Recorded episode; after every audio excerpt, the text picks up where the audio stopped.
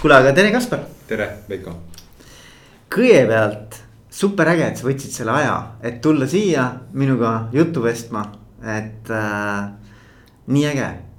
ja nagu ma ütlen, alati on äh, hea meel selliseid äh, põnevaid teemasid lahata ja selliseid ägedaid suundasid äh, võtta jutuajamistes, et äh,, et äh, minu, minu rõõm. ja, ja, ja meid viis kokku äh, ühine tuttav. täpselt nii Katrin Merisalu, et äh, aitäh sulle, Katrin kui sa kuulad. ja Katrin, aitäh, aitäh et äh,, et mina pean tunnistama, on see hea või halb, aga ma ei olnud sinust kuulnud midagi.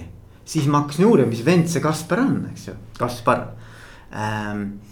ja, ja siis ma nagu sain aru, et mis äh,, mis alaga sa tegeled, on ju hakkasin nagu enda peas ette kujutama, mida see nagu tähendab, vaatasin mõningaid sinu videosi.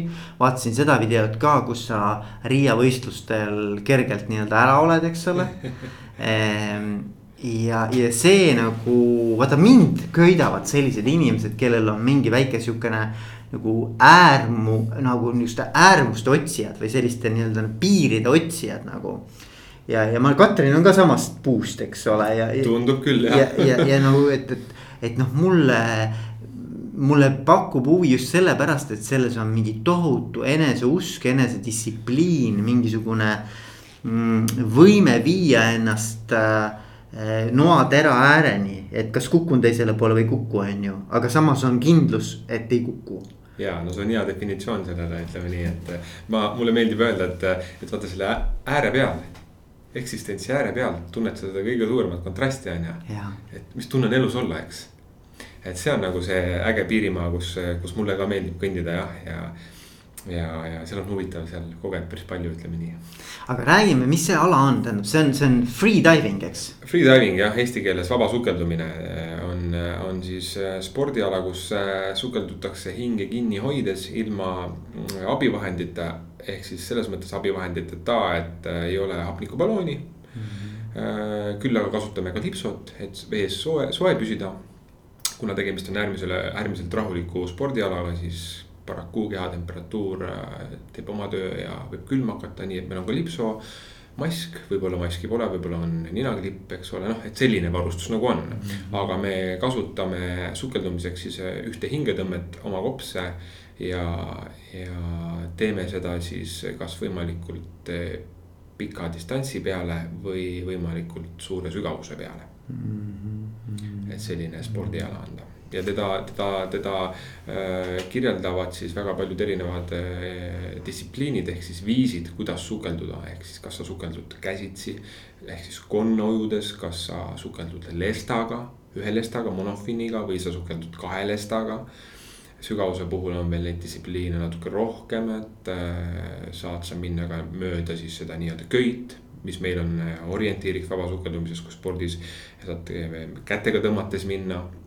et need on kõik erinevad distsipliinid ja, ja, ja neid kõike saab nii-öelda harrastada ja teha ja, ja proovida, et kuidas keegi nii-öelda tunneb, et.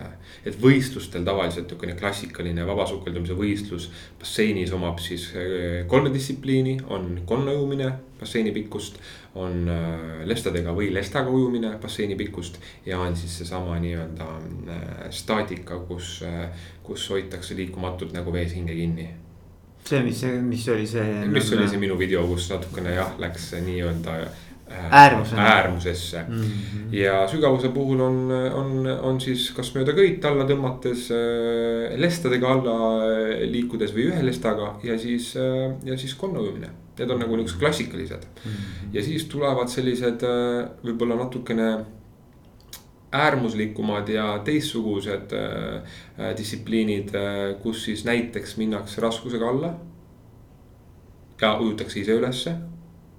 või minnakse raskusega alla ja tullakse siis sellise nii-öelda spetsiaalse õhukoti toel üles, ehk siis. Et kaasas on selle nii-öelda instrumendi küljes õhuballoon ja, ja selline tasku, kus on kokku volditud kott sees mm. -hmm. ehk siis see on see distsipliin, mida mina harrastan ja milles ma ka Eesti rekordi tegin äh,. äh mida nimetatakse no limits freediving uks, ehk siis põhimõtteliselt sukeldutakse sügavustusse, kuhu äh, omal jõul ei jaksa sukelduja minna mm. -hmm. see on pull värk jah, minu sukel, no ma püüan nüüd kuidagi ennast seostada selle kõigega, eks ole. et minu sukeldumise kogemus on lihtsalt tavaline nagu avamere sukeldumine, see padi litsents, eks ja, ole. et ma kunagi tegin Kariibi, Kariibi meres või Kolumbias mingis kalurikülas täitsa niimoodi üldse polnud planeeritud. aga kuna ma sattusin sinna ja mul oli aega, siis me tegime kahe nädalaga siukse peatuse ja käisime seal siis mm. -hmm. see pidi olema maailma kõige odavam koht, kus teha seda litsentsi. mõtlesin, miks mitte. Äge koht on ju, kolmkümmend üks kraadi vesi, jube ilus kõik, eks. absoluutselt ja siis oli, seal oli crazy oli see, et äh, kui ma esimest korda, ega seal ei olnud mingit harjutamist, et oo, et noh, teeme nüüd madalas kuskil midagi. kohe visati nagu selg ees äh, paadist vette ja minu esimene, see on ikkagi nii nagu võõras alguses, see hingamine läbi selle. absoluutselt ja. selle, selle nii-öelda aparaadi või mis, kuidas seda nimetada, ma ei mäleta enam. Aga et, et ma tulin ikkagi köhitades ja, ja niimoodi puristades tulin sealt vee alt välja. et see vajab harjumist, vaata. kindlasti, kindlasti, see on nagu selline esmane üldse kõige basic äh, level võib-olla inimesel veega, et, et kõigepealt ennast vees lihtsalt mugavalt tunda, Mhm. on ju. ja siis hakad sa sinna mingisuguseid lisaväljakutseid ja niuksi äh, asju juurde äh, noppima, et, et ma ei tea, kas siis balloon selga Mhm. Või siis vabasukeldumisel lihtsalt snorkel suhu, eks ole, mask ette, et, et jah, et ma mäletan, et kui mu tüdruk alustas, siis tal oli ka lihtsalt maski ette panna ja, ja läbi toru nina kinni, noh vaata mask hoiab ju nina kinni, on ju. läbi maski sa nina kaudu hingata ei saa, on ju, siis tal oli lihtsalt see juba ebamugav. On, ongi jah no, hästi-hästi siis räägime veel vee alla minekust ja, ja muudest asjadest, mida sa pead nagu vabasukeldumise puhul täheldama, et jah, aga, aga kahe nädalaga me käisime kolmekümne meetri sügavusel hmm.. et selles mõttes see oli nagu vinge, ma ei tea, kas seda oli lubatud tegelikult, ilmselt ma arvan, et nad ei luba tegelikult nii sügavale minna vist või. kolmkümmend meetrit, no seal vist ongi see OVD ongi vist nelikümmend äkki Ah, okei. open water Okei, diver või, okei. aga noh, jah, ma täpselt ei tea ballooniga aga sukeldumist. see tundus minu jaoks ka nagu müstika ikkagi, et juba seal ikkagi need rõhud on hoopis teised, eks ole. ja, ja, et aga noh, kui, kui sa lähed, sinul oli sada üks meetrit nüüd, eks ju. Et kui nagu mingit aimdust nagu hakata aru saama tavainimene, et, mis need rõhud seal on, et mida see tähendab nagu? sada üks meetrit on äh, üksteist atmosfääri rõhku. see noh, paljud on küsinud on ju, et, et no mida see tähendab siis, et noh. ei, rõhk on täpselt nihuke rõhuühik või eh, mille kohta inimesel ei ole nagu mingisugust sellist paralleeli või, või nagu aimdust, et no mida see tähendab, on ju. noh, kõige lihtsam nagu esimene nihuke näide on tuua, et et kümne meetri peal, kus tegelikult on eh, merepinnast vaid üks atmosfäär rohkem õhku nagu rõhku tähendab, on juba meie kopsud ju surutud viiskümmend protsenti väiksemaks. õhuruum nii-öelda, kõik õhk surutakse vee all kokku. ja mida rohkem äh, suurem see kiht vett meie peal on, seda rohkem seda, seda siis äh, meie kehas juhtub, eks ole. et üksteist baari on täpselt selline rõhuühik, kus meie kopsud on sukeldudes circa sellised apelsini suurused või rusika suurused, ütleme sellised, et. ja, ja, ja ma kunagi tegin natuke uurimustööd, et noh, natukene võib-olla seda rõhu tugevust keha pinna kohta äh, näitena välja tuua, et, et mis siis kehal on ja siis äh, oli selline arvutus, et ekvivalentne üheteist baari rõhuga on siis äh, justkui sul oleks äh, ühe ruutsentimeetri kehapinna kohta üksteist kilo raskust okei okay. mm. -hmm. et selline nagu arvutus oli füüsikaline tehtud mm. -hmm. et see võib ka nagu niisuguse aimduse anda, et, et, et mida see keha siis kogeb seal all. Mm -hmm. aga sa reaalselt ikkagi seda survet ei tunne, eks? tunned. tunned, reaalselt tunned kohe? ja, ja et, et äh, survet tunned sa eriti rindkeres. okei okay, okay.. kõri, rindkere ja need on ka kõige sellised äh, suurema riski all kehaosad, mis sul äh, võivad kannatada saada, ehk siis rindkere all on ju meil kopsud, eks ole mm. -hmm. ja, ja seal ongi see, et, et võivad tekkida väga lihtsalt parotraumad, kopsuvigastused rõhu tõttu kopsu vere, veresoonte lõhkemised, sellised nii-öelda verejooksud sisemised. Mis võivad muidugi lõppeda surmaga mm. -hmm. aga ma kujutan ette, et okei okay,, et kopsud lähevad apelsini suuruseks, aga mis see aju teeb? no ajus ei ole selles mõttes noh, aju on ikkagi ju meil ma ei tea, kus on ilus öelda käntsakas rasva on ju, et mm, -hmm. et, et see rõhk mõjutab eelkõige õhuruume aa ah,, okei okay., et see, kuna see lõhku ei ole. jah, kõrv, kõrva, mhm. kõrv meil, eks ole, kõrva sees on siis see kõige probleemsem koht, mida me peame tasakaalustama, eks ole. aga et tasakaalustada on meil vaja õhku ja et õhku on vaja, siis me ju peame seda õhku liigutama nendes kohtades, kus õhk liigub, on ju. et kõik need kohad siis surutakse kokku ja, ja, ja siis tekib vaakum sees mm. -hmm. mida vähem sul õhku on ja kui õhku üldse pole, ongi vaakum, eks ole, et mm. -hmm et, et see on jah, see kõige probleemsem. aga vaata, ma nägin ka ühte klippi sinust äh, kas see oli Ringvaade või mingi mingisugune saade oli, kus sul oli silmas veresooned lõhkenud. Äh, mismoodi see juhtub? see juhtub väga lihtsalt. Äh, noh, selles mõttes väga lihtsalt, et seda ei ole üldse raske nagu saavutada, seda vigastust, et seda saab endale tekitada maskiga sukeldudes. ja kuna maskis on samamoodi õhuruum ju eks ole mm, -hmm. sest inimese silm ei näe vee all, äh, kui ei ole silma äh, ja vee vahel õhuruumi. see on see, mis aitab meil nii-öelda nagu fokusseerida seda ja teravust tekitada. Äh, ja, ja samamoodi, kui sa lähed vee alla, siis hakkab see mask hakkab sul vaikselt vastu nägu tõmbama. aa, ta läheb kokku, kokku, kokku, kokku ja tõmbab silma välja niimoodi. ja, täpselt nii, täpselt õhk seal sees surutakse kokku mm. -hmm. ja kui sa ei tasakaalusta seda maski, ehk siis sa ei lase ninast õhku sinna maski, siis õhk läheb kokku ja tekib vaakum see on kõige parem näide nagu sellest, kuidas lihtsalt plõks käib äh, silmas, sa tunned, kui ta silm läheb vesiseks. ja, ja see on nagu see koht, et kui ma läksin äh, silmaarsti juurde peale seda reisi, siis äh, tal ei olnud nagu midagi vaadata, ta valgustas mu silma läbi ja ütles, et nii. et äh, miks sa seda teed? et ma ju ei näe mitte midagi siit, sellepärast et mitte, et sul on silmaveresooned katki lõigatud, vaid sul on puruks rebitud need veresooned. et ma näen ainult verekogu, eks ole et, et selles mõttes on nagu see füüsika ja see füüsika võib meile väga lihtsalt liiga teha, kui me ja.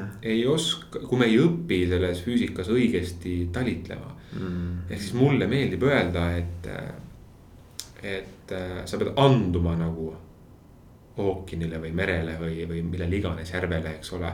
et sa pead ennast nagu usaldama sinna ja, ja sa pead lõdvaks laskma ennast. pluss siis see, et sa pead oskama seda kõike füüsikalist vastasseisu nagu ära klattida, eks ole, ehk siis tasakaalustamist ja kõik muud asjad, et. et see on selline jah, üsna triki, triki, triki selline teekond aga mind huvitab see, et mis sind pani sellist asja tegema, vaata. kus selle, kus sa selle nagu selle algse idee ja sellise nii-öelda noh, selle kire said, et. see kõik äh, algas kindlasti ma mäletan minu esimesest reisist soojale maale, mis oligi Egiptus paraku tol hetkel. Mhm. kaks tuhat üheksa aasta äkki oli see. ja ma mäletan, et mul ei olnud üldse ootusi selle mere ega veealuse maailma suhtes, ma läksin lihtsalt nagu. jess, et nagu esimene selline soojamaa reis, kus on soe ja palav ja palmid ja vägev nagu selline keskkond ja võõras ja ja eks Egiptus oli ajaloos ka nagu kuidagi võimsana meelde jäänud, on ju, et kõik need vaaraod ja püramiidid ja ja, ja siis ma mäletan, et me läksime randa sõpradega ja läksime siis äh, snorgeldama, rentisime need maskid ja torud ja. ja kui ma lõpuks äh, seal nägu vee peal ujusin, et üle selle riifi ääre jõuda ja lõpuks selle maski nagu siis veepinnaga paralleelselt vette panin. siis oli nagu see, et vau wow,, et kas päriselt või mm., et kas tõepoolest see on selline, et noh, mul tuli esimese asjana tuli meelde kohe mingi National Geographicu mingi saade, eks ole, kus olid mingisugused sellised. Eh, muinasjutulised vaated ja kalad ja värgid ja, ja, ja see oli nagu see koht, et nagu. ühesõnaga tõmbas jalad alt ära kohe, et mm. ja, ja siis ma põhimõtteliselt veetsingi vees ikkagi päris mitu tundi. käisin vahepeal väljas, puhkasin, jälle läksin vette ja ma ei, nagu ei saanud mitte kunagi küllalt sellest. ja, ja tol ajal sai proovida ka, et noh, võib-olla oma paar meetrit sukelduda, aga üldiselt sellest sukeldumisviisist ma ei teadnud mitte midagi. nii et me avastasime selle oma järgmisel Egiptuse reisil samade sõpradega. kus siis äh, proovisime vee alla minna, ma mäletan, kui meil see snorkel kukkus sinna kuskilt kuue-seitsme meetri sügavusele siis tuli üks suvaline kutt, kes lihtsalt ujus ja punitas ja tõi selle meile ülesse siis meil oli nii, nii, et vau, et tahaks ka, eks ole, osata ja suuta. ja eks sealt hakkas vaikselt see mõte nagu tööle, et noh, kuidas see võimalik on ja, ja et ikka filmides on nähtud ja et pärlipüüdjatest ongi juttu olnud kunagi ja. Ja, ja kuidagi siis me läksime ära tol korral Egiptusest ja avastasime nagu Eestis, mina avastasin, et on selline spordiala olemas, täiesti nagu sellised allveesukeldujad, kes lähevadki hinge kinni hoides. ja sukelduvadki mitte kümme, kakskümmend meetrit, vaid äh, sada meetrit, eks ole. ja see oli kohe minu jaoks nihuke nagu suhteliselt epic teema, et, et noh. Põhimõtteliselt minu jaoks olid need inimesed nagu justkui jumalad on ju, sellised üle, üle võimete inimesed, et. ja, ja eks hakkasid selle kohta huvi tundma ja, ja lugema ja, ja siis said aru, et mingisugused hingamised on, kuidas seda nii-öelda. sellist rahulikku seisundit esile kutsuda ja, ja sai vaikselt nagu omal käel hakata proovima basseinis ja tegema. ja siis tuli uuesti üks Egiptuse reis ette, kus me läksime siis mu, mina ja mu sugulane ja, ja üks mu endistest sõpradest, kes samamoodi siis äh, oli need eelnevad korrad seal minuga käinud. ja, ja siis me proovisime seda sügavas vees nihukese oma tarkusega õpitud ja juhuslikult meie hotelli alal oligi äh, Only One Apnea Center siis äh, ühes hoones nii-öelda nurga taga peidus, kus ma juhuslikult mööda kõndisin, kui WC-d otsisin ja, ja ma mäletan seda, kui ma sealt nurga tagant kõndisin ja nägin seda, siis mul oli nagu vau. Sest et seal olid kõik vitriini peal niisugused plakatid äh, sportlastest ja nende saavutustest ja sügavused ja rekordid ja mul oli nagu uskumatu, et päriselt. et kas see tõesti on siin, eks ole. ja ja siis me läksime kohe sinna sisse ja, ja hakkasime siis aru pärima, et noh, et äh, kas on võimalik õppida, treenida ja uurisime hindasid ja kõike muud ja. aga noh, ma mäletan, kui ma neid inimesi vaatasin seal, et täpselt sellised noh. ikkagi nagu high level inimesed, eks ole, sellised mm. Neil oli tehnika seal, sellised veealused skuutrid ja, ja kõik see, no ma sain kohe aru, et ma olen nagu kuskil koorekihis mm. -hmm. ja, ja kohe tekkis selline innustus ja, ja niisugune hull inspiratsioon, et noh vau, tõeliselt võimas ja siis ma mäletan, võtsimegi, seal oli üks Leedu kutt tööl. ja võtsimegi temalt siis äh, sellise sissejuhatava kursuse. kus tehti meile lihtsalt kiire introduction selline. Kuidas hingata, mis on põhitõed, kuidas see magic moment tekib nii-öelda, eks ole, et, et sa saad üldse hinge kinni hoida ja sukelduda. ja teha seda siis kauem kui muidu või tavaline inimene ja ma mäletan, kui me tegime selle esimese korra ära, siis oli täpselt selline asi, et vau wow,, et tahan veel mm. -hmm. ja sealt see tee nagu alguse sai, et täna see, see treener või instruktor, kes mind tol ajal õpetas, et. Et temaga koos me olemegi Baltikumi kõige sügavamad kahekesi, kes üldse on jõudnud üle saja meetri. et või saja meetrini, nii et, et mul on nagu au oma esimese, oma esimese õpetaja ja treeneriga seda pjedestaali jagada, ütleme siis nii ja, ja, ja sealt tol korral me tulimegi tagasi sellise juba suurema know-how'ga ja võib-olla isegi nagu sellise turvalisema know-how'ga, et kuidas seda teha niimoodi, et sa endale liiga ei tee ja ära ei upu kuskil üksi, eks.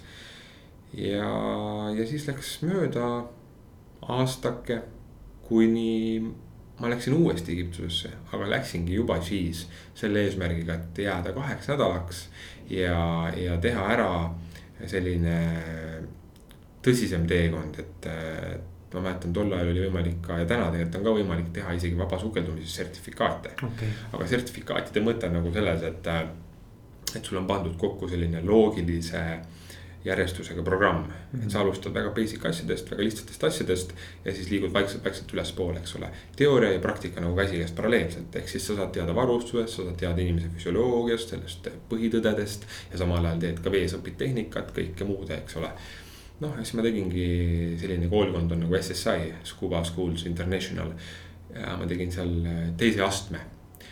ja, ja noh, mõte oli ikka kolmas teha ja instruktoriks saada ja nii edasi. Ja ma mäletan, et kui ma Eestist tulin, siis ma olin üsna motiveeritud, ma tahtsin kohe edasi minna, ma teadsin, et tol ajal. kui ma olin kolmkümmend meetrit käinud, sügavust äh, oli vist Eesti rekord äkki viiskümmend või nelikümmend viis meetrit, no nii, et mul oli nagu see, et okei okay.. et ma hakkan tegelema ja ma tahan selle üle lüüa aga, aga siis oli see, et mul ei olnud nagu kellegagi enam seda harrastada või teha, sellest, et äh, seal kehtib reegel, et üks pluss üks. Sul peab olema alati nii-öelda siis äh, kaaslane, kellega teed, kes sind valvab. kas sa hoiad hinge kinni või hoiad pikkust või mis iganes, alati peab olema sul keegi kaasas. et kui mm. midagi juhtub, ta peab olema suuteline sulle esmaabi andma, sind päästma või elustama ja kuna mul seda inimest ei olnud, siis mul ei olnud ka sellist turvatunnet, et jätkata mm. -hmm. nii, et siis ma avastasin enda jaoks sihukese lapsepõlve kauaaegse unistuse ja sellise äh, kinnise tee motokrossi. et ma hakkasin motokrossi sõitma ja harrastama. Ja, ja see motokrossi nii-öelda harrastaja karjäär kestis mul kas äkki kolm aastat. suutsin paar korda intensiivravis pikali olla ja metallid sisse ja kruvid sisse saada endal. Mm.. kuni mul oli nihuke pigem keeruline aeg, keeruline aasta, kus ma olin sunnitud tsikli maha müüma lihtsalt rahalistel põhjustel, ma olin noor poiss ja ja, ja ei olnud võimalik enam sõita, sellepärast et see nõudis palju aega. tsikkel maksis, eks ole, varustus maksis ja kõik selline lihtsalt trennis käimine, see röövis pool päevast.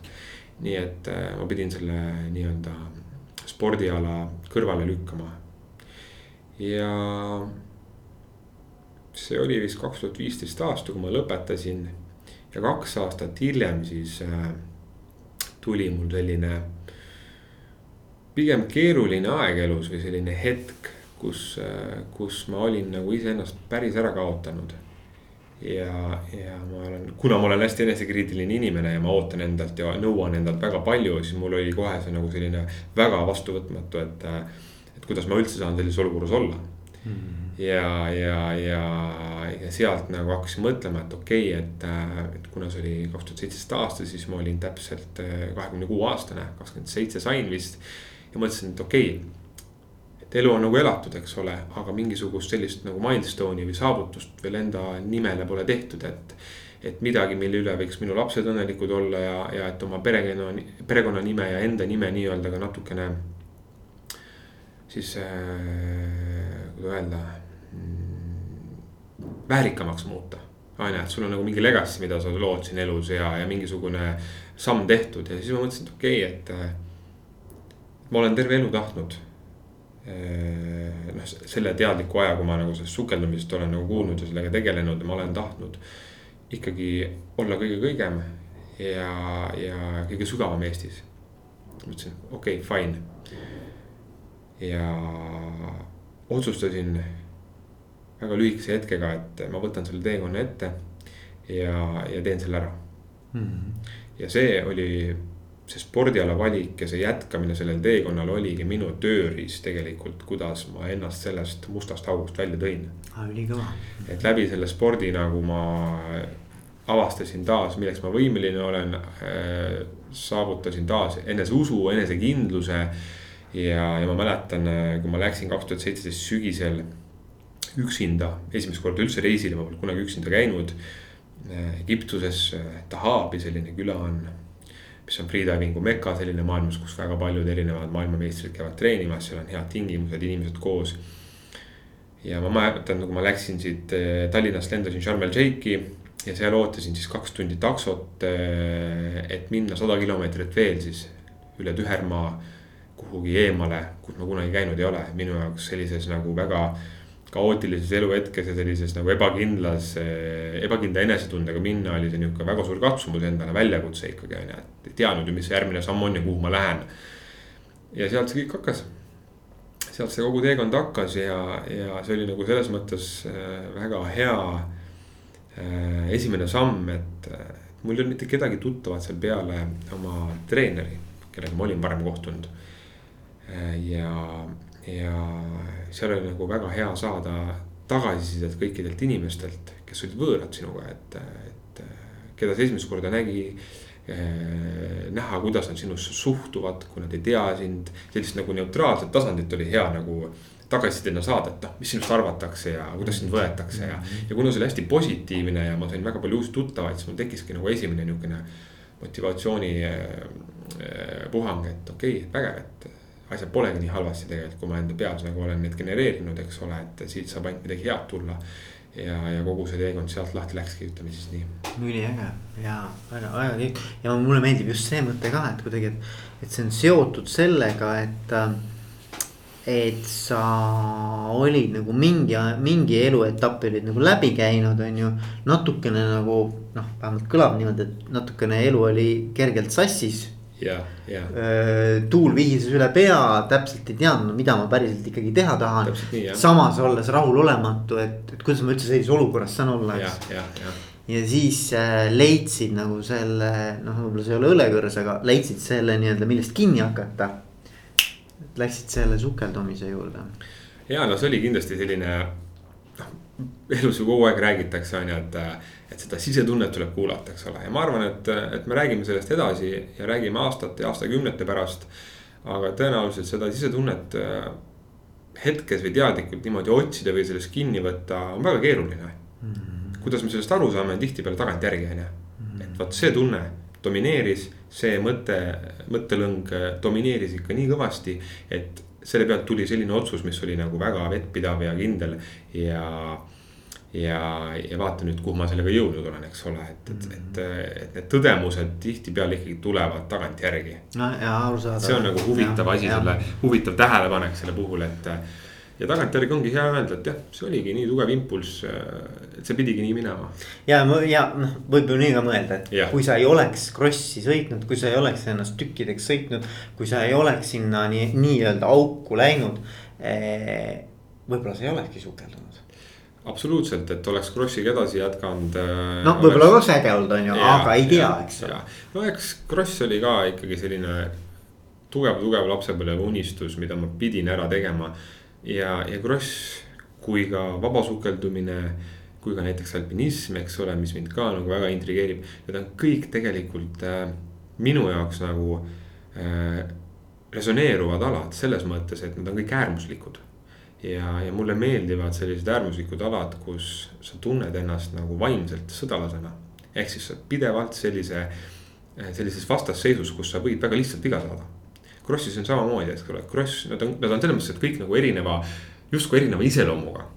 Kross on tohutult kiire, agressiivne, ta on küll tehniline, sa pead väga tugevas fookuses olema, eks ole, et äh,. samas kui vaba sukeldumine on äärmiselt rahulik. kogu sooritus käib äh, väga lühiajaliselt, eks ole, minutite peale võib-olla. ja, ja sa pead olema nagu väga äh, endas sees, väga kontrolliv enda üle, väga eneseteadlik selle lühiaja lühikese aja sees, eks ole. siis äh, kolmandaks alpinism, eks ole, on pigem selline kulgemine. samas selline kulgemine, mis mingites osades muutub ikkagi ohtlikuks. selle samamoodi selle kõrguse tõttu, kuhu sa lähed, nende äh, asukohtade, mägede, kaljude tõttu, eks ole. ja, ja olukordade tõttu, eks ole, et noh, aga nendes kõiges kolmes alas on nagu see sees, et sa oled nagu võitleja erinevates vormides, erinevates ajaühikutes nagu, eks ole, et mm. -hmm ja, ja see on nagu, mis mulle kõige rohkem enam nagu sellist naudingut pakub, et mulle meeldib näha ennast nagu sõdalasena. et, et isegi kui see selg on nagu pussnugasid või odasid täis on ja, või sa oled sellise ääre peal, nagu me ennem rääkisime, et noatere ääre peal, eks ole. siis sa nagu ikkagi jätkad ja see, et sa nagu selles ohtlikus olukorras endiselt edasi liigud. Ongi see, mis innustab, on ju, et, et see annab seda jõudu juurde endale, et vau wow,, et kuigi on ohtlik, kuigi on raske, kuigi ma olen nagu liimist võib-olla lahti, aga ma siiski hoian ennast nende tükkidena koos on ju, ma liigun ikkagi edasi ja ma teen seda ikkagi. ja see on see, mis kogu aeg nagu genereerib sulle seda positiivset tagasisidet kuskil sisimas. ja tekitab sellist nii-öelda siis võib-olla elujõudu või, või usku endasse, on ju, et. et see on see minu lugu nagu nende asjade puhul, et mis, mida mina saan nendest asjadest. aga, aga see on jälle üliäge metafoor, sõdalane, eks ole. Ja minul tekib kohe küsimus, aga kellega sa sõjas oled? või nagu, et, et, et millega sa nagu võitled, vaata. kui sa, noh, püüan korra vastata sellele. ja, ja no see on hea küsimus. võitled, ma arvan, et kusjuures, kui ma siia sõitsin, siis ma mõtlesin ja ma olen tegelikult seda mõtet ka oma tüdruksõbraga päris palju äh, arutanud, rääkinud ja see on päris sügav mõte, et, et see on nagu hea küsimus selle mõtte pihta. ma arvan, et me võitleme ikkagi kellega ikka kui iseendaga.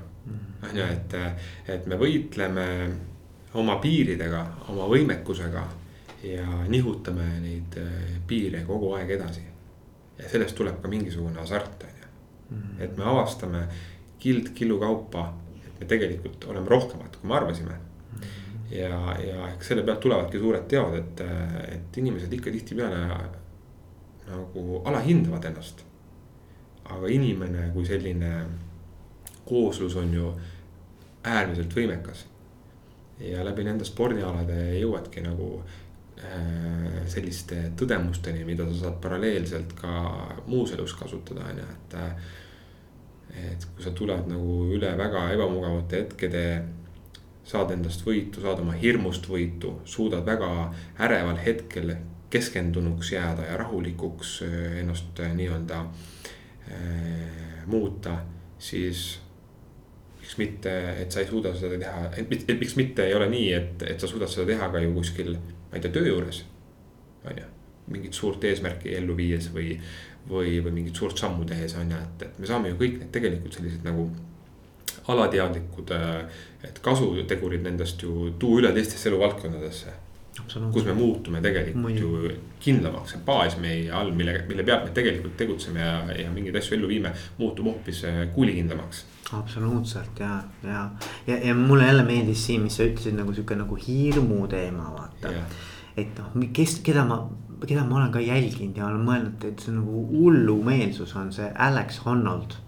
Eh, kes on see free climber eh, ilma, ilma julgestuseta nii-öelda põhimõtteliselt nagu mööda seina. vertikaalis, vertikaalis ülesse ja, ja, ja ma olen vaadanud neid äh, ta, temast on ka video või on film nüüd tehtud, et dokumentaalfilm.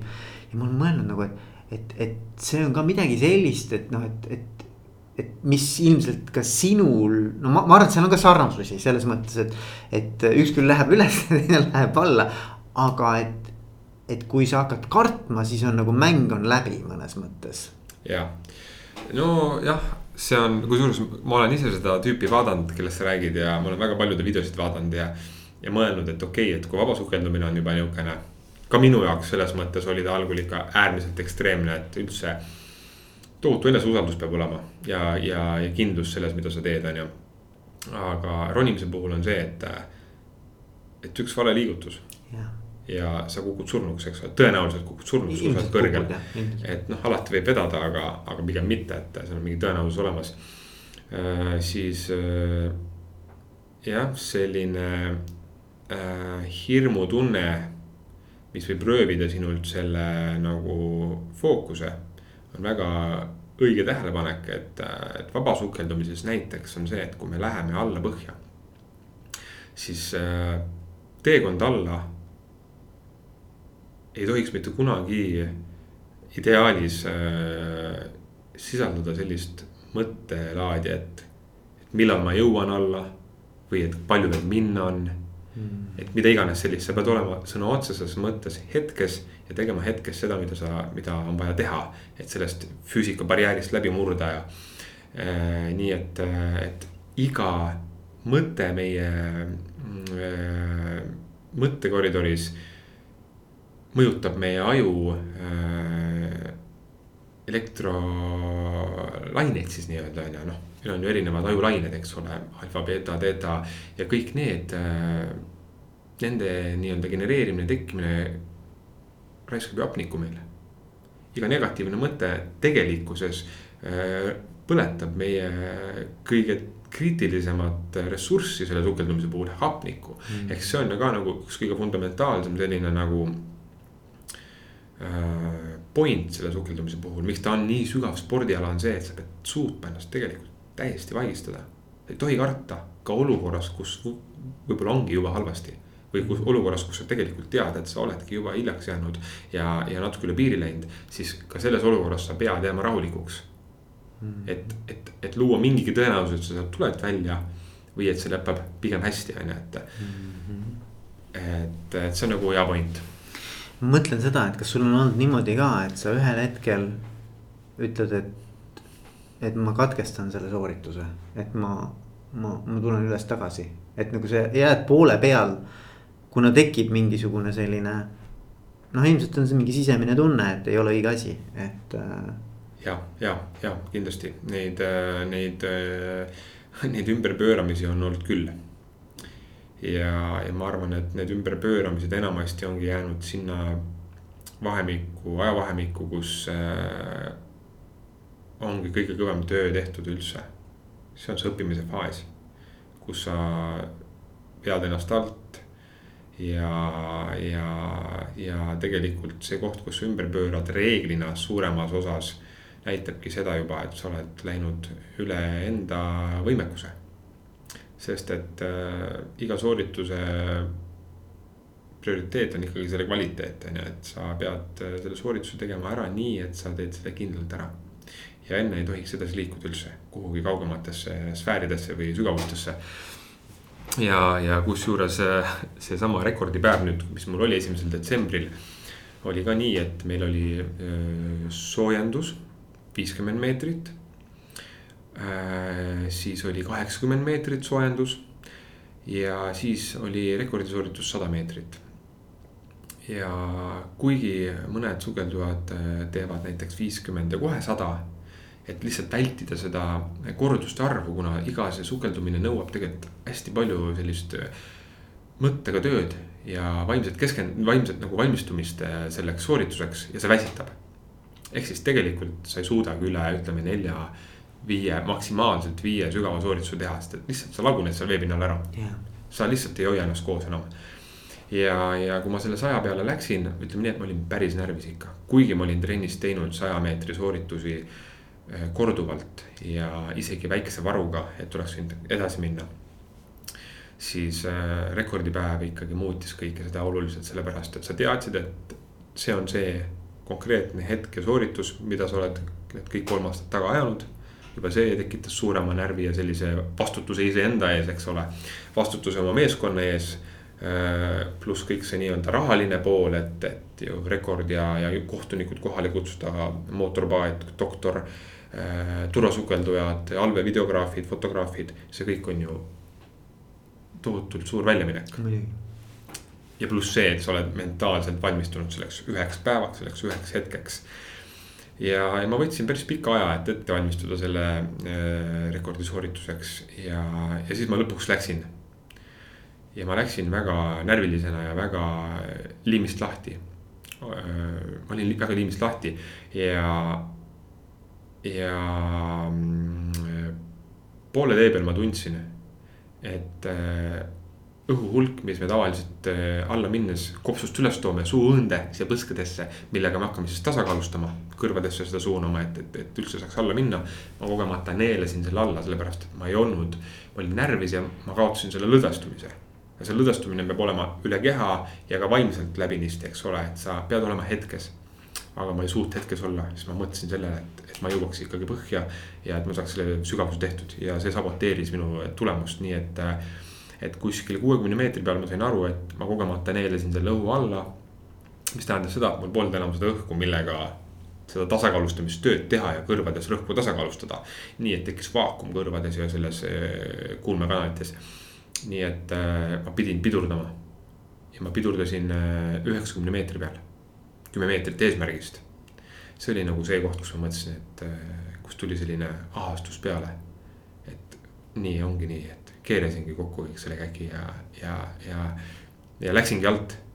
et ei tulnudki välja, et ja et nagu, et äh, ma ei uskunud seda, et ma nagu, et see võib kõik nii pingeliseks muutuda ja tulin ülesse. ja, ja kuna mul üks kõrv jäi lukku, siis tulin ülesse Äh, tegin küll selle pinnaprotokolli ära, mis on nagu reeglite järgi, sa pead näitama, võtma enda näo puhtaks, äh, hoidma hingamisteed veepinna peal, ehk siis sa ei tohi nagu vee alla vahepeal vajuda. pead kohtunikele otsa vaatama ja näitama siis neile sellist okei okay märki ja ütlema peale seda I m okei okay eks see on nagu järjestus, mis sul peab olema, see protokoll peab olema täidetud, kui see on täidetud, sa jääd adekvaatseks, ei minesta, mis iganes. siis sa saad selle eest valge kaardi, mis on siis nii-öelda tehtud. puhas sooritus. puhas sooritus läheb arvesse ja mulle näidati valgeid kaarti, hakati kohe justkui nagu õnnitlema ja vett pritsima ja siis ma ütlesin neile, et oh, oodake. et ma ei jõudnud põhja. et ma pidurdasin enne, et ma keerasin ümber. ja see oli nagu selline topelt nihuke minu enda jaoks võib-olla alandav hetk või selline väga suur rahastust tekitav hetk, et. et ka teised juba tähistasid. ja siis ma ütlesin, oh, oh, oh, et rikkusin tuju ära, et kuule, et ei mm. -hmm ja siis mu treener ütles, et ei, et miks, et kuidas nii ja, ja ma ütlesin, et noh, et kõrv läks lukku, eks ole, ma kaotasin õhu ära. ja, ja siis oligi see, et okei okay,, et teeme siis uuesti. et kuna meil ei olnud sooritusi nii palju, aga siis see uuesti tehtud, eh, uuesti planeeritud sooritus oligi juba neljas sooritus, ehk siis ma käisin viiskümmend meetrit, kaheksakümmend, üheksakümmend. ma olin tegelikult vaimselt küps selleks hetkeks ja, ja. ja siis tuli see nii-öelda kirss tordile, eks ole mm. -hmm. viimane võimalus mm. -hmm ja, ja, ja vot siis oli nagu see koht, kus ma tundsin, et puh. kui ma sinna sooritust ette valmistama läksin selle köie najale, siis ma tundsin, et okei okay,, et mul süda ei klopi enam, ma ei ole ärev. aga sisimas see mõttetöö, mentaalne pool, mis käis, see protsess, see oli selline, et. et no üldse ei olnud sellist terviklikku tunnet sees et nüüd ma lähen, nihuke terav, terav fookus on, et lähen, teen üks, kaks, kolm, kõik, mis vaja süsteemselt. oli nihukene tunne nagu, nagu selline mosaiikpilt oleksid, mis on nagu väikeste niidijuppidega koos ja kuidagi logiseb, eks ole, et mm.. aga et justkui nagu oled ikkagi üks pilt.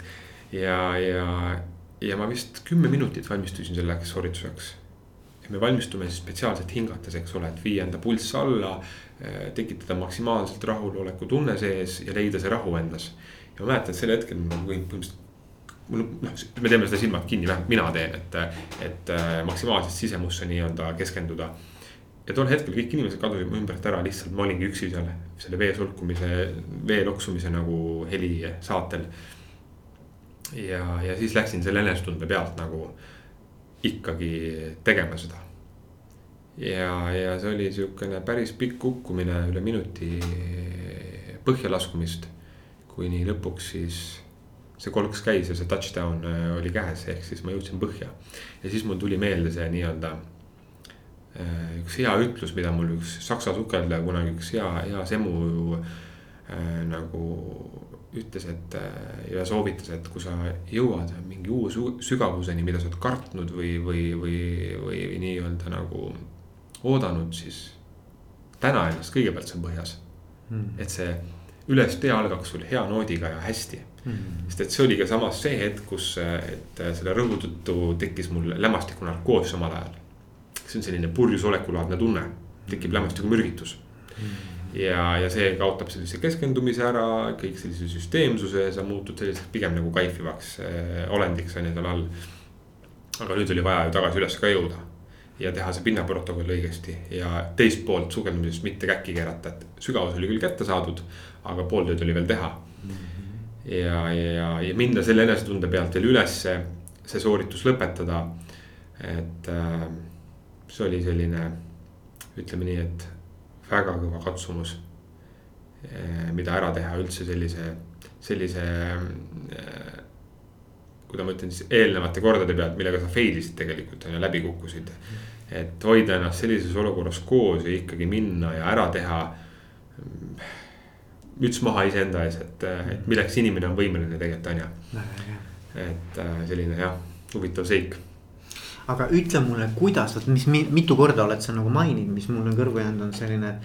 et ma, sa pead olema kohal, et sa pead olema nagu äh, hästi äh, relaxed või noh, selline nagu vaba, selline, et kuskilt ei ole pinges, et see mm, -hmm. see kõik, iga pinge, eks ole, sööb nagu hapnikku, eks ju. Ehm, et et kuidas sa harjutad, vaata, et see, sest et see on mõnes mõttes sihuke nagu mindfulness, eks ja, ole. ja, ja. millest hästi palju räägitakse. aga ütleme selles formaadis ei ole sellest kunagi keegi rääkinud. aga see on minu arvates selline, et see ei ole nagu enam abstraktne või vaimne, vaid see on nagu hästi nagu noh, kui sa seal vees oled ja, ja alla liigud, siis see on nagu reaalne vaata. Hästi praktiline. hästi praktiline. Nagu. sa saad kohe tagasisidet selle kohta, on ju, et kui sa lihtsalt toas kuskil mindfulness'i praktiseerid või mediteerid, eks ole, ja proovid kohal olla või mõtteid mööda lasta ja mitte olla nendest häiritud, siis. siis ütleme nii, et ega meri sulle ei andesta neid möödapanekuid. Mhm. sa saad kohe teada, kes sa oled ja mida ta sinust arvab, kui sa valesti teed. või kui sa endast liiga hästi arvad, et sa saad kohe sellest teada, eks ole, et see ei ole see koht, et kus sa lähed kekutama või hüppama, et nüüd ma tulen ja surun ja näitan, kes ma olen, eks ole, et äh, ei. et seal sa saad edasi liikuda ja samas ka elus on üles tulla ainult siis, kui sa oled eh, nii-öelda eh, õnnestunud. ja, ja kõik see mindfulness ja see rahulikuks jäämine ongi nagu üks eh, võti selles spordis.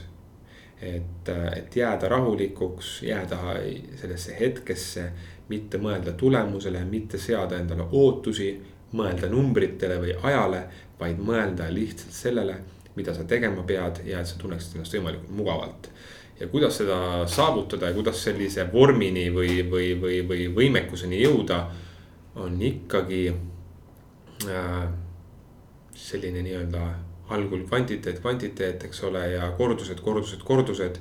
ja läbi nende mitmete korduste ja sellise praktika muutub see kvantiteet lõpuks kvaliteediks. ja, ja sealt tulebki siis nii-öelda see oskus ja võimekus ehk siis äh, ma mäletan, kui ma staatilist hinge kinnihoidmist harjutasin. küll ma surusin ja proovisin ja üle nelja minuti ei tulnud mitte kuidagi. see oli niisugune koht, kus läks juba nii keeruliseks. Ja, ja ma rohkem ei harjutanudki seda, vaid ma käisin lihtsalt treeninglaagrites Egiptuses. ja, ja sukeldusin sügavale seal mm. -hmm. ja läbi selle kõige kogemuse, praktika, sügavuse selle, kuidas sügavus sind tegelikult äh, mõjutab ja kuidas sügavus sind tegelikult õpetab. sest et sul ei ole võimalik sügavusse minna ilma, et sa, sa ei lase ennast lõdvaks. sa pead anduma merele ja anduma tähendab seda, et sa pead usaldama iseennast, eks ole. Et kui meri sind hakkab tõmbama ja sa hakkad kukkuma nii-öelda vabalangemisfaasis vee alla, siis seal ei saa olla seda, et sa tõmbad krampi või, või hakkad nagu mõtlema, et okei okay,, millal ma ümber keeran, eks ole, sa pead laskma lihtsalt minna. ja, ja et seda teha, siis sa peadki jõudma selle oskuseni ja selle võimekuseni endas. see eeldabki seda, et sa pead ennast usaldama, sa pead suutma ennast füüsiliselt kui ka vaimselt lõdvaks lasta.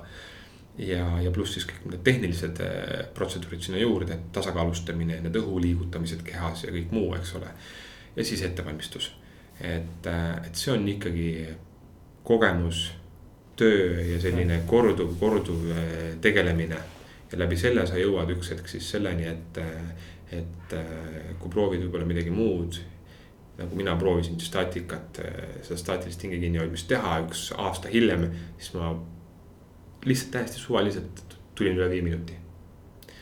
ja see näitaski mulle seda, et sa ei pea nagu harjutama ja kangutama seda ühte sama asja, vaid sa pead pigem seda vundamenti kogu aeg ühtlaselt täiustama, pead olema palju vees, pead olema kogu aeg teemas sees, eks ole.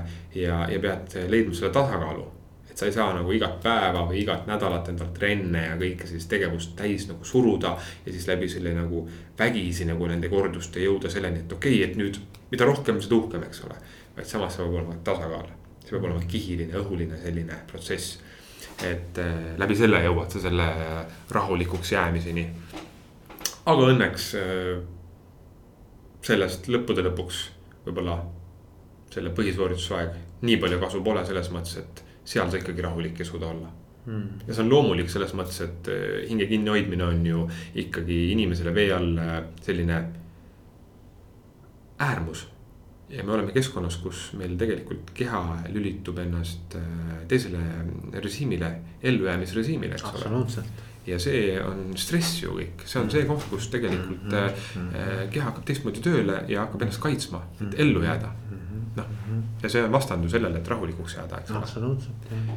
et vaim ei jää rahulikuks, aga keha teeb siiski omad sammud, et ennast ellu, elus hoida vee all. see on nagu naljakas. aga seda saab vaimuga natuke rohkem paremini esile kutsuda, et mida rohkem sa ka vaimuga kaasa tuled, seda rohkem keha lülitub kiiremini ümber mm.. et meil on nagu hästi paljud erinevad refleksid näiteks vabasukeldumise puhul. et millest, millest võib-olla paljud inimesed ei ole üldse teadlikud, et kui ma näiteks kasvõi sinuga räägin sellest, et nii et äh, lähme nüüd proovime vabasukeldumist, hoiame hinge kinni. siis ma arvan, et su esimene ettekujutus on see, et okei okay,, et noh, kui sa niisama praegu siin laua taga hinge kinni hoiad, eks ole, et. et jube nihuke kangutamine või surumine on, et ebamugav, eks. aga tegelikkuses, kui me hakkame seda õppima ja proovima, siis äh, me jõuame selleni, et äh, me oleme imetajad ja meil on imetajatel kõikidele sukeldumisrefleks kehas peidus. ja, ja, ja see refleks omab endas väga paljuid funktsioone ehk siis äh, näiteks esimene on see, et äh, kui meil nägu puutub veega kokku, siis äh, kesk, parasümpaatiline närvisüsteem annab käsu kehale pulssi kukutada ligi viiskümmend protsenti. kust tuleb esimene selline hapniku säästmine ja südametöö aeglustub oluliselt. kus me siis juba saame selle esimese nii-öelda õlekõrre, et ellu jääda siis teiseks on, on selline äh, funktsioon olemas, kui me läheme sügavusse näiteks või, või basseinis pikalt sukeldume äh,. perifeerne vasokonstriktsioon, mis tähendab siis seda, et äh, jäsemetest, kätest, jalgadest hakkab hapnikurohke veri äh, liikuma rohkem keresse, ajusse, elutähtsatesse organitesse mm. -hmm. veresooned ahenevad, veresoond, vereringlus piirdub nii-öelda ja, ja vaata noh, vaata kui tark keha on, eks ole, et millised funktsioonid tal on enda ellujäämiseks. noh, siis on lisaks äh, põrna kokkutõmbumised. põrn tõmbub kokku peale järjestikuseid nii-öelda hinge kinnihoidmisi. ja, ja hakkab siis verre vallandama punaseid vereliblesid. mille tõttu siis hapniku äh, transpordivõime äh, organismis suureneb see on juba kolmas, eks ole, selline imeline funktsioon, et. ja neljas on siis see, et kui ma ennem rääkisin sellest, kuidas me sügavusse läheme ja, ja kõik õhuruumid kokku surutakse. siis teatavasti on ju kopsud meil rinnakorvi all, eks, ja kui kopsude maht väheneb, siis tekib kopsude ja rindkere vahele selline tühimik mm. -hmm. ja et see tühimik nüüd eh, meil eluohtlikuks ei muutuks ja rindkere sisse ei suruks, kuna toetuspinda taga pole ju all nii-öelda kopsude arvelt siis seda kaotatud voluumi seal täidab meie enda veri. ehk siis veri suundub alveoolide pilmistesse kihtidesse, mis tekitab siis sellise kompense-, kompenseeritud eh, voluumi siia verehulga mm. kopsude ja rindkere vahele mm.. ehk siis keha ise kaitseb ennast, et selline vigastus mm. ei tekiks mm.. vaata, kui intelligentne on meie keha ja see on see, mida paljud ei tea, mis tegelikult võimaldabki minul minna nii sügavale aga selleks, et see nii-öelda roostes võime meis äh, tööle hakkaks, selline superpower nii-öelda, peabki hakkama harjutama. ja see on kõik ajutöö, et aju saaks signaali kogu aeg sellist impulssi, input'i, et äh, nii, olukord, lükka tööle, olukord, lülita tööle, eks ole. mida rohkem seda teeme, seda kergemini see refleks meil tööle hakkab.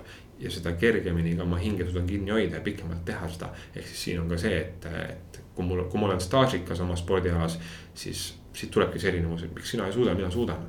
mul on juba nii-öelda füsioloogilised äh, eeldused või, või sellised äh, arenenum külg selleks teha. et, äh, et jah, see kõik on see tervik, mis aitab rahulikuks jääda, mis nagu sümbioosis koos töötab. et selle pealt tulevadki need tulemused. aga mis on sinu nagu selline, ütleme, kui minna crazy'ks, eks ole. noh, lähme täitsa hulluks, eks ju. nii-öelda paneme nagu Ehm, paneme hullu nii-öelda. mis siis sul selline, ma ei tea, kujutad ette viie aasta pärast ennast, mis sa, mis sa selles valdkonnas veel ära teha tahad?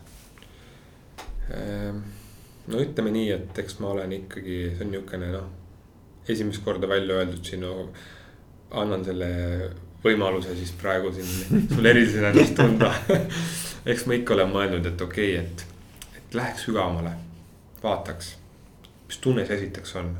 sest et juba saja meetri peal mulle meeldib see, see selles mõttes ulmeline tunne seal. kui sul on tohutult, ma ei tea, palju seal võib olla, sadu tuhandeid, miljoneid liitreid, kuupliitreid, kuupmeetreid vett pea kohal, eks ole.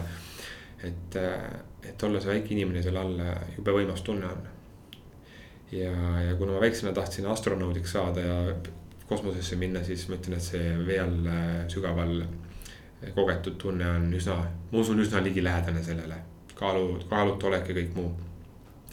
aga eks ma ikka olen mõelnud, et eh, noh, võtaks eesmärgiks, paneks viiskümmend meetrit otsa sinna. ja ma üldse ei kahtle selles, et ma selleni jõuaks. kindlasti jõuaksin, aga, aga see eeldab kogu elukorralduse muutumist, et, eh, et ma ei saa seda teha sellise elukorralduse juures nagu täna ma. kus ma täna nagu olen ja elan, et, et see eeldaks töökorraldust ma peaks töökohta muutma, rohkem selline kaugtööd tegema, võimalused selleks looma. mul peaks kindlasti olema toetajad, sponsorid, kes kõik selle kinni maksaks, sest et see on äärmiselt kallis. Neid inimesi, kes sind nii sügavale viia saavad või toetada saavad, neid on maailmas, ma ei tea, näputäis. Neid ei ole üldse palju, seda varustust, sellist võimekust. ma peaks leidma asukoha, kus nii sügav oleks. ja pluss see, et ma peaks tegelema sellega igapäevaselt unustama mingisugused äh, suuremal äh, kujul argiprobleemid ja mured ja süvenema, sellepärast et mul peaks läbiv toon olema see, et ma olen rahulik ja, ja tegelen ühe asjaga, eks ole, et see eeldaks seda, et ma tegelikult juba astun sellesse ringi, kus ma olen justkui tippsportlane. sest et see on äärmus, mm. sellised eesmärgid on äärmused. aga, aga eks kindlasti selline natukene äh, rohkem käeulatuses eesmärk on ikkagi õpetajaks saada, et, äh, et instruktoriks. ja mitte selles mõttes instruktoriks, et lihtsalt mul paber on ja, ja nii-öelda kuskil on kirjas, et näed, et allkiri all ja et Kaspar on nüüd instruktor, vaid. vaid selles mõttes äh, treeneriks või õpetajaks suure algustähega, et et kui ma võrdleksin näiteks seda, et jah, mul on kogemused, ma olen käinud sada meetrit või, või olgu mis tahes see indikaator, mis ma võtan selleks, et ma olen nüüd justkui nagu potentsiaalne õpetama või kellelegi edasi andma seda. siis õpetamine on ikkagi hoopis midagi muud mm. -hmm. et, et lugeda inimest, erinevaid inimesi, nende suutmatust või nende miinuseid, puuduseid, oskamatusi on ju. et, et see on nagu täiesti uus väljakutse, olla õpetaja mm. -hmm õpetaja ei saa olla igaüks, eks ole, me võime õpetaja justkui tiitlit kanda, aga nagu päris olemuselt olla õpetaja ja olla hea õpetaja või treener. see on ikkagi, ma arvan, eraldi teekond, mida ette võtta. ja, ja ma arvan, et see on nagu nihuke üks suur väljakutse, mida ma tahaksin äh, alustada. et kunagi kellelgi, kes võtab äh, samasuguse unistuse ette, oleks ikkagi siin Eestis abikäsi mm. -hmm. kelle poole pöörduda, on ju, et kellel on need jäljed ette astutud, kes oskab läbi viia nendest jälgedest, eks ole, ja. ja selline, selline treeneri ja õpetaja amet oleks, ma arvan, minu selle eriala puhul väga, väga huvitav teekond. ja, ja väga äge, muidugi on ja, ja mulle meeldis ka see, mis sa alguses ütlesid, et. et see, see nii-öelda see, see, see sukeldumise protsess ja et mida ma seal kogen ja mis ma pean seal tegema, et olla edukas.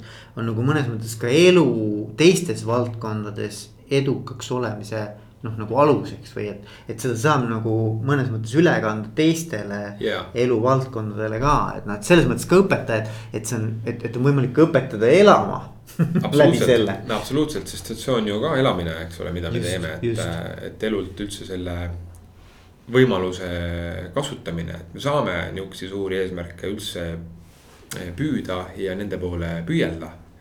et, eh, et see on nagu selline oskus elult võtta, on ju, et ei ole see, et sa istud kodus ja, ja mõtled, et noh ma ei jõua selleni või et see on, see rong on läinud, et, et miks ma seda räägin, on see, et ma väga hästi mäletan, kui ma selle spordiala avastasin ja neid plakateid ja neid rekordi staatuseid ja kõiki neid tegelasi vaatasin ja, ja kes saja meetri peal olid eh, oma saavutustega, et, et nagu vau wow et ma nagu ala, justkui alateadlikult juba olin sellise otsuse või, või seisukoha võtnud, et, et mina ei jõua sinna.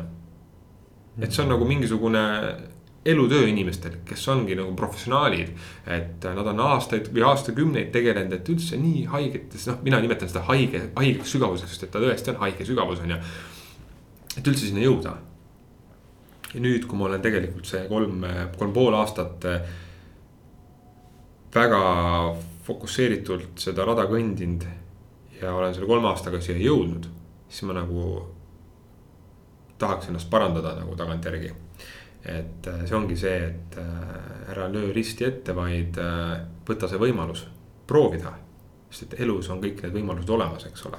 see sõltub lihtsalt sellest, et kas sa tahad seda teha, kas sa leiad selleks võimalused ja kas sul on motivatsiooni seda teha, on ju noh.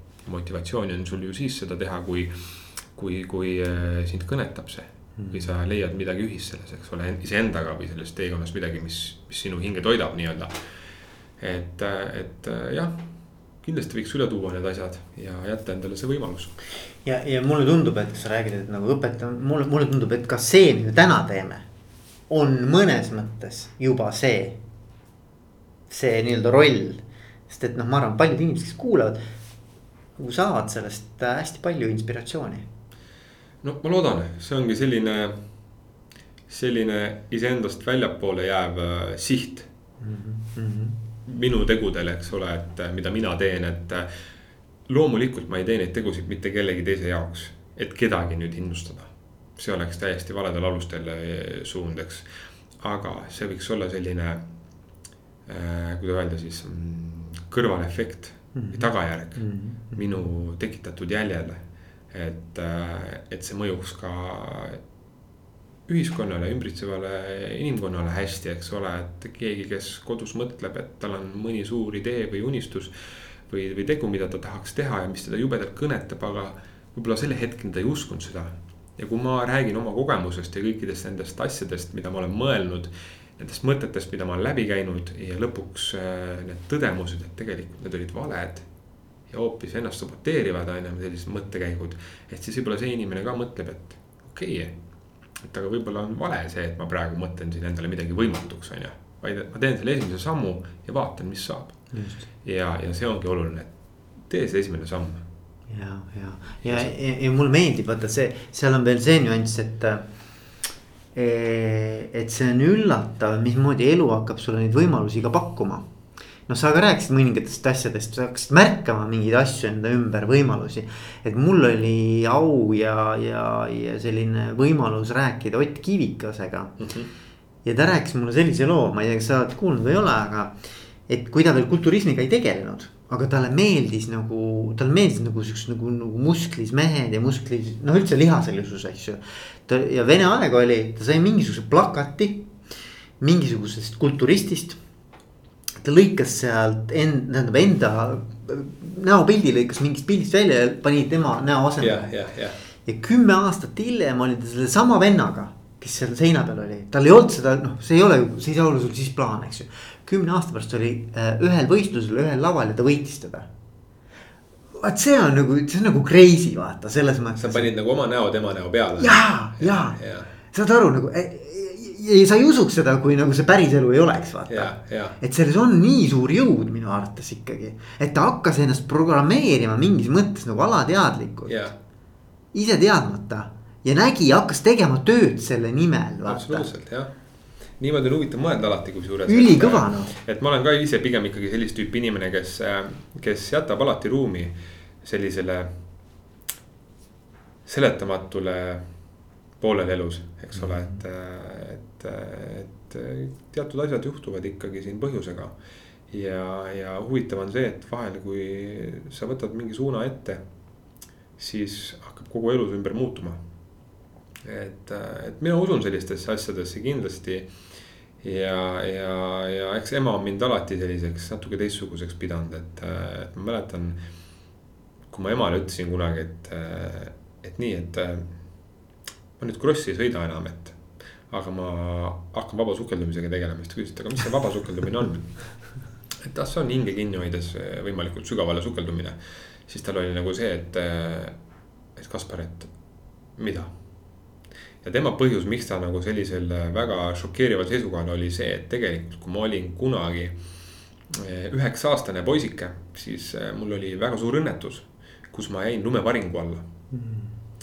ja, ja, ja ma olin seal lumevaringu all ligi kaks tundi hapnikuta, hapnikuvaeguses. ehk siis see on väga pikk lugu mm ma olen isegi sellest kunagi vist oma Facebooki seinal kirjutanud, nii nagu see tegelikkuses oli ja, ja mind leiti siis kaks tundi hiljem äh, sealt lume alt ja surnuna. ehk siis ma ei hinganud, mul oli suu lund täis, kõik muu, see, see, see, see teekond, kui ta üldse mind leiti ja see, see ime nagu, kui ta mind leiti, noh, see on veel sürrim. Puhtalt siis isa sisetunde peale tegelikkuses oli see. ja, ja, ja mind suudeti elustada ja, ja mind suudeti selles mõttes elus hoida ja tagasi ellu tuua, ilma et ma oleks kannatanud mingisuguste ajukahjustuste all. ja, ja peale kuu aega haiglas viibimist, äh, ravil viibimist ma siis äh, lõpuks olin enam-vähem tagasi oma normaalse elu peal. Noh, kus siis arstid ütlesid, et äh, nemad oma kahekümne viie aasta või kolmekümne aastase praktika näol jooksul ei ole näinud mitte ühtegi sellist pääsemist. kus keegi oleks niimoodi pääsenud ja siis mul nagu ema mõtles, et kuule, et kas sul ei ole midagi sellist äh, nagu hirmu selle vastu, et sa oled ise kunagi ära lämbunud, eks ole. ja nüüd sa hakkad hinge kinni hoidma ja minema sügavustesse on ju noh. ja, ja küllap on selles ka mingisugune tõde peidus, et, et uuesti ellu tulla peale sellist äärmust olen alati midagi seostanud, et milline ma täna olen, et kindlasti see on muutnud mind, on ju, ja ja see ongi nagu see, et ei jäta elu elamata. iga hetk võib sulle kuskilt mingi kamakas pähe kukkuda, on ju. nii et parem ole nagu hetkes ja pane täiega ja ela maksimaalselt, on ju, et. Koge nagu seda elu ja hangi endale igasuguseid neid impulsse igalt poolt. mitte ainult häid, vaid ka halbu, on ju, et see on ju see kõik tervik, mis sind tegelikult inimesena ju treenib ja tugevamaks ja paremaks teeb, on ju, et yeah..